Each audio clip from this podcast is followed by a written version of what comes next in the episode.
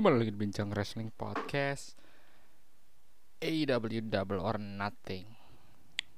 Gimana ini pay per view nih Pay per view ini gue ingat banget. Gue gak nonton live by the way. Gue nontonnya karena gue lagi di ada acara waktu itu hari hari Minggu apa hari Sabtu hari Senin ya? Gue lupa tuh. Oh Senin Senin. Gue lagi ada kerjaan jadi gue gak bisa nonton live. Jadi tapi uh, pagi hari eh sorry sorry. Dari Sabtu itu udah rame banget berita tentang MJF cabut dari AEW Fanfest. Wah berita rame lagi. Terus katanya MJF bakal apa bakal si MJF nggak hadir di Double or Nothing apa segala macam. Wah aja rame banget sih berita tentang si AEW Double or Nothing. Gue nggak tahu ini shoot atau beneran atau gimana. Yang jelas si Double or Nothing itu bisa ngebuat se jadi lebih gue belum lihat sih buy rate nya berapa si paper. Tapi jadi lebih orang lebih bisa bisa lebih apa sih sebutnya? Bisa lebih lihat lah gitu si jadi pengen lihat gitu si AEW Double or Nothing ini. Terus uh, karena da dari awalnya udah hektik terus wah ini MJF nggak ada nih. Ternyata pas AEW pas uh, mulai kan si itu langsung ya kita tahu lah crowd AEW kan beda lebih lebih dewasa sama WWE terus crowdnya juga lebih hidup openingnya tuh menurut gue opening paling ngeri gitu. Gue belum di di di AEW di, di WWE di NXT gue belum pernah ngelihat uh, opening segitunya. Terakhir gue ngelihat mungkin waktu pas Roman Reigns waktu pas Raw pasca WrestleMania. Tapi itu kan Raw pasca WrestleMania yang selalu spesial ya karena Raw pasca WrestleMania kan semua orang dari Eropa, dari Asia, dari seluruh Amerika lah pada nonton WrestleMania dan sekalian nonton Raw besoknya gitu. Jadi uh, semuanya nyampur nggak cuma kota-kotanya di mana doang. Roman Reigns habis ngalahin uh, Undertaker. Itu bunya wah ngeri banget. Terus um, Roman Reigns jadi heel. Awal-awal dia ya sebenarnya nggak dia face tapi dia heel. This is my yard. Nah itu menurut gue keren banget nah ini pay per view ini menurut gue salah satu yang opening yang ngeri juga itu yang sekarang double or nothing. Jadi si MJF tuh pas dan dan gue sih sekarang malah emang rada setuju kan sama Bully Ray yang bilang kalau wrestling has to be black and white. Yang yang dimaksud adalah ada heel dan face. Heel itu di bu face itu di cheer. Uh, nanti gue sebutin kenapa. Ada bahasan topik juga ke sana soalnya. Nah waktu pas uh, kita tahu sendiri MJF tuh kan uh, top heelnya uh, sekarang zaman kayak sekarang gitu ada beberapa orang top heel tapi nggak jadi top heel malah dia di cheer malah dia di sautin dia gitu gitulah nah si MJF ini bagus banget jadi top heel.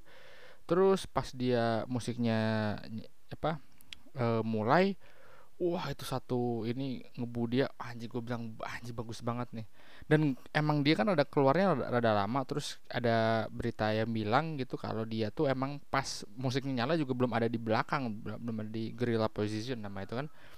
Uh, emang emang rada rada lama lah sekitar berapa det setengah detik lah mungkin ada baru MJF keluar. Nggak seperti biasanya MJF gitu.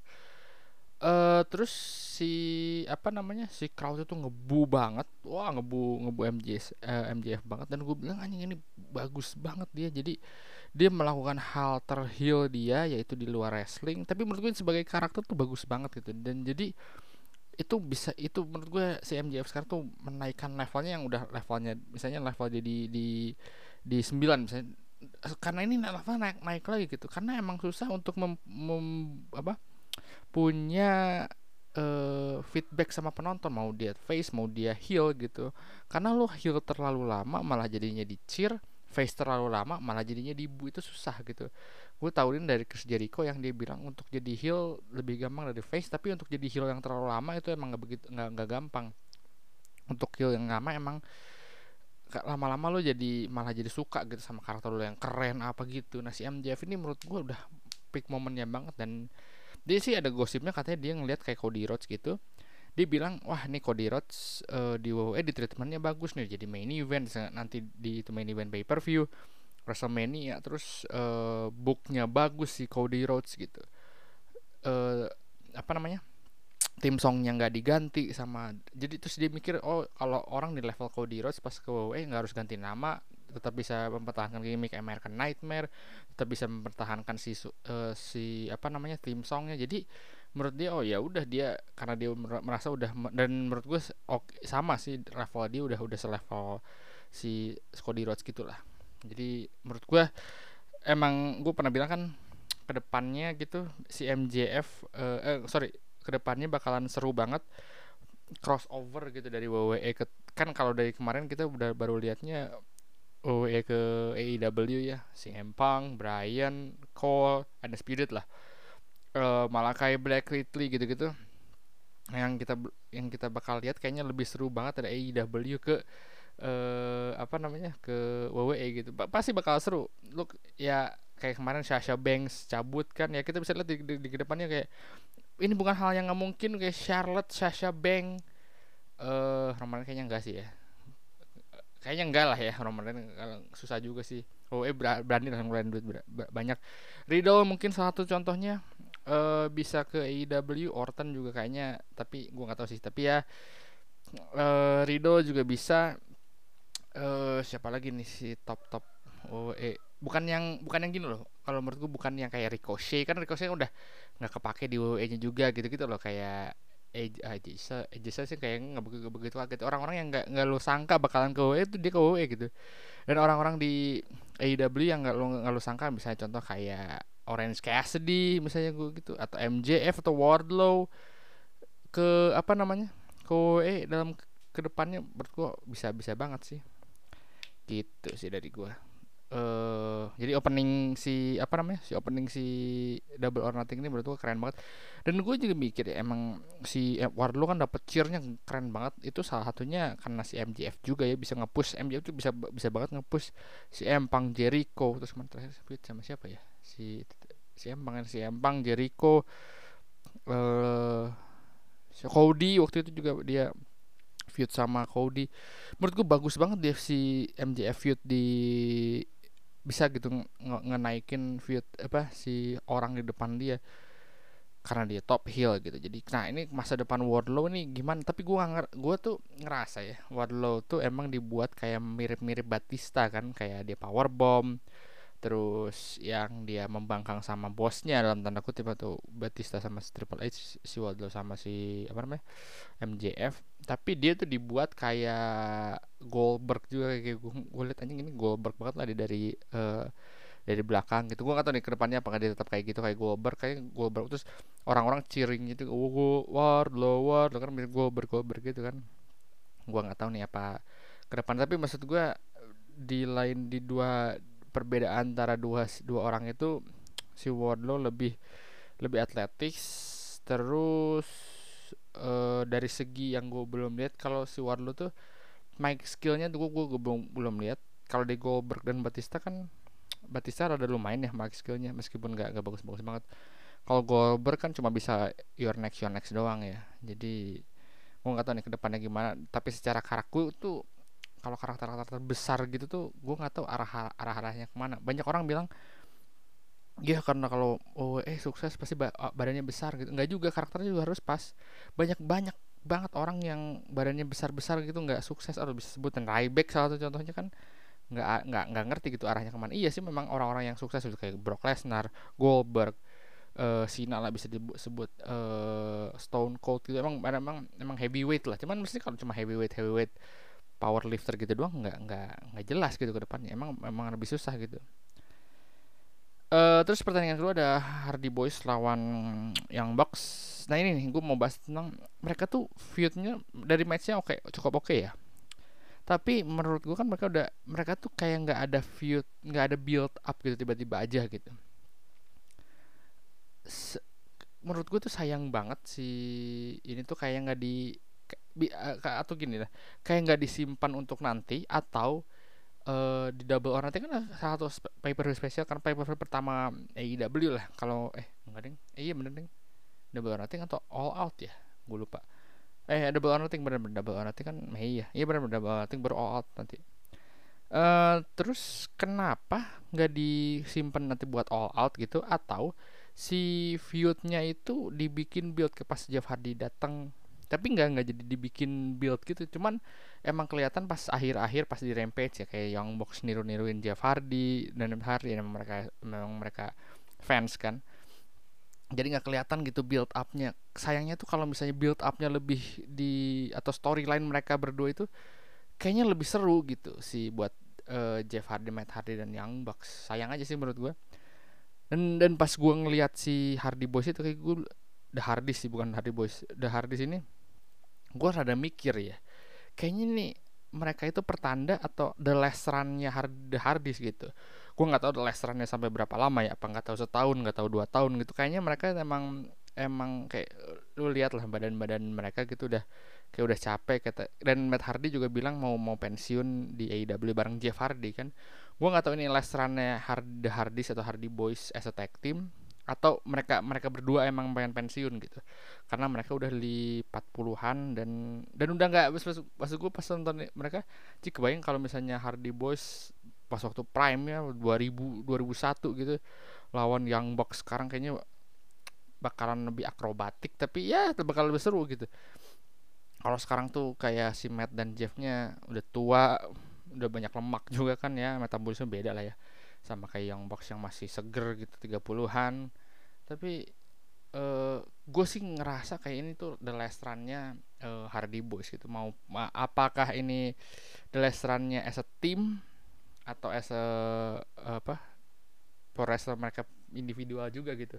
Gue nggak tahu tapi gue gua rasa sih itu ya. Setelah itu mungkin uh, OE kalau ngundang Hardis jadi Hall of Fame baru mau gitu. Karena kemarin kan gosipnya Jeff Hardy ditawarin Hall of Fame dia nggak mau dia pengennya sama Matt emang ya emang itulah emang apa namanya ya mereka saudara kan gitu. Jadi ya gue nggak tahu nih tapi emang si dari apa ya dari dua pertandingan awal ini emang cukup oke okay sih. Yang yang pertama sih kan kayak lebih ke squash match tapi storyline itu kuat. Tapi yang kedua tuh storyline yang nggak kuat tapi dari matchnya oke okay, gitu gue AEW tuh kekurangannya tuh emang tiba-tiba aja gitu tapi kayak kayak kayak, kayak tiba-tiba aja kayak Owen Hart turnamen sih nggak apa-apa ya. Cuman kalau misalnya tiba-tiba aja kayak Hardy dan uh, apa namanya yang box menurut gua aneh sih. Ada aneh lah gitu. Gua yang nggak tahu sih lu gimana nah di Owen Hart ini Owen Hart turnamen tuh finalnya kan ada si Adam Cole dan Samoa Joe lawan Britt Baker sama siapa tuh? Ruby Soho dari segi match dua-duanya uh, oke okay, gue nggak mau komentar match lah. Tapi gue mau komentarin soal uh, yang tadi gue bilang tentang heel gitu. Jadi di sini ada momen di mana uh, Martha Hart uh, jadi katanya gini kenapa pay per view si siapa namanya? Si Double or Nothing ini lama banget um, Tony Khan tuh pengen ngasih waktu buat si Martha Hart terserah dia mau ngomong sepanjang apa pun jadi akhirnya dia beli katanya sih Double Nothing itu tiga jaman lah tiga jam setengah gitu. Tapi malah jadi ini berapa sih lima jam ya? Lima tiga empat jam setengah gitu. Jadi dia beli sejam atau dua jam. Makanya di add dua match lagi di double or nothing ini. Jadi jawab pertanyaan gue kemarin kan banyak banget pertandingan 13 apakah di pre-show apa di pay per view gitu. Ternyata taruh di pay per view dan dia tuh pengen ngasih uh, spot buat Martahat udah lu ngomong terserah lu ngomong berapa lama gitu. Terus gue mikir oh ini kayak jadi kayak uh, Hall of Fame-nya gitu buat si Owen Hart dan speech uh, Martha Hart buat ya buat nerima nerima apa namanya? Nerima uh, Hall of Fame-nya Owen Hart gitu. Karena sampai sekarang Martha Hart itu nggak nggak mau Owen Hart di Hall of Fame karena salah satunya yang lu yang lu tahu juga waktu kejadian Owen Hart meninggal WWE tetap uh, lanjutin the show terus uh, Martha Hart nuntut segala macam lu bisa nonton di Dark Side of the Ring. Makanya dia kesel banget sama WWE kan sampai sekarang nggak nggak mau.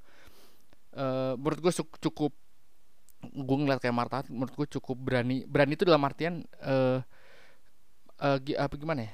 Lu seorang janda yang ditinggalkan oleh suami lu yang kecelakaan di di satu arena pro wrestling terus lu berani untuk oh, yaudah deh gue mau karena kita itu traumatis ya. Dan dia butuh waktu sembilan sembilan sembilan sembilan. Butuh waktu sekitar e, 23 tahun untuk ak akhirnya ada Owen Hart turnamen gini. Dan kan kayak kayak lu kalau misalnya lu ngelihat ke stadion gitu terus acara wrestling kan lu inget suami lu gitu-gitu kan. Jadi gue liat oh tapi emang Owen Hart apa Martha Hart keren sih jadi berani gitu. Terus di speechnya dia juga dia nggak nyebut Hart family. Gue nggak tahu kenapa apa dia masalah sama Hart family atau gue nggak tahu kenapa sih. Padahal Hart family itu besar ya dan nggak tahu dia juga ada masalah sama kakaknya Owen Bret Hart yang malah dikontrak sama WWE jadi nggak ada kan. Kemarin rumor-rumornya ada bakalan ada di sini ya sebagai kakaknya nggak tahu juga gue juga kenapa. Tapi di speechnya dia nggak mention soal Hart family nggak tahu gue kenapa aneh. Nah ini yang ngomong gue bahas tentang heelnya ya. Jadi emang pro wrestling itu harus harus black and white. Jadi pas pas nerima si Owen Hart Cup atau apa ya sebutnya belt lah ya championship gitu mereka berdua tuh heel Adam Cole dan Britt Baker tuh heel. Terus gue bilang aneh ini kok heel ya? Malah jadi malah jadi break di karakter gitu malah jadi ini mah arahnya ke face gitu. Kalau setelah ini mereka mereka jadi face oke okay lah. Tapi kalau kayak Britt Baker kayaknya udah kelihatan mau dia face kan dia salaman sama Ruby Soho ya.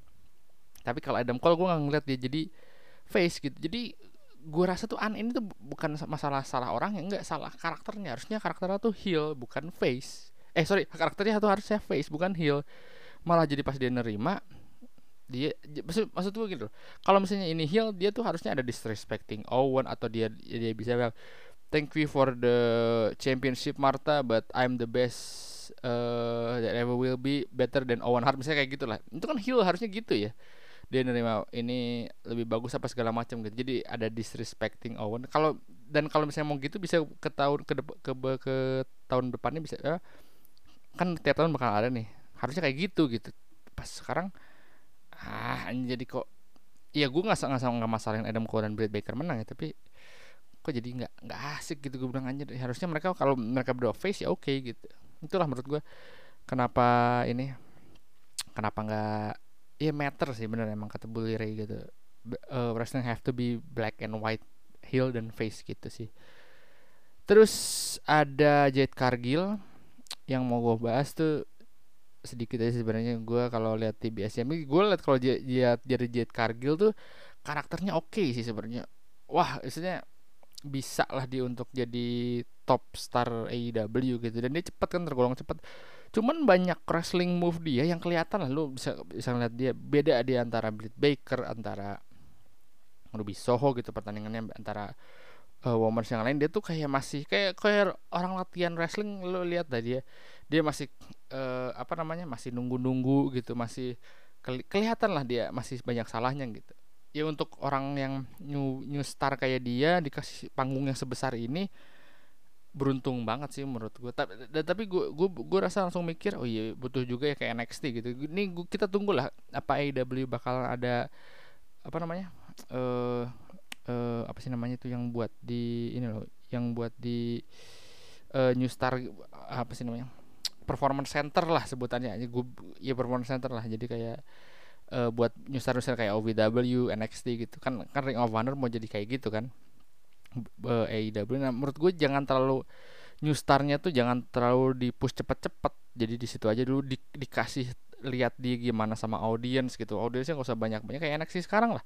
Kan kayak gitu kan si NXT ya NXT dulu juga gitu sih sama. Jadi yang biar si orang-orang yang bener-bener baru yang bener-bener masih muda tuh di dikasih tahu lihat dulu di gimana ngeliat ke audiens gimana gitu. Karena gue lihat dia kayak rada masih masih kasar lah gitu gue liat kayak kayak kemarin di di AEW kayak si Brown Breaker terus uh, Nikita Leon terus uh, siapa lagi waktu itu gue gue note masih kelihatan gitu dia tuh masih uh, pandangan matanya tuh masih kelihatan dia harus gini harus gini harus gini sementara orang pro wrestler kan udah udah udah udah udah enak aja lah mainnya gitu.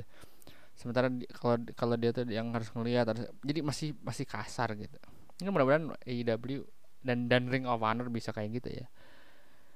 Uh, apalagi oh ya ini uh, six man tag-nya tidak ada storyline yang jelas terus tiba-tiba di Julia Hart dan kalau orang tuh bakal inget gak ya tentang Julia Hart dan si Julie uh, Julie Hart masuk ini masuk apa sih namanya uh, House of Black gitu.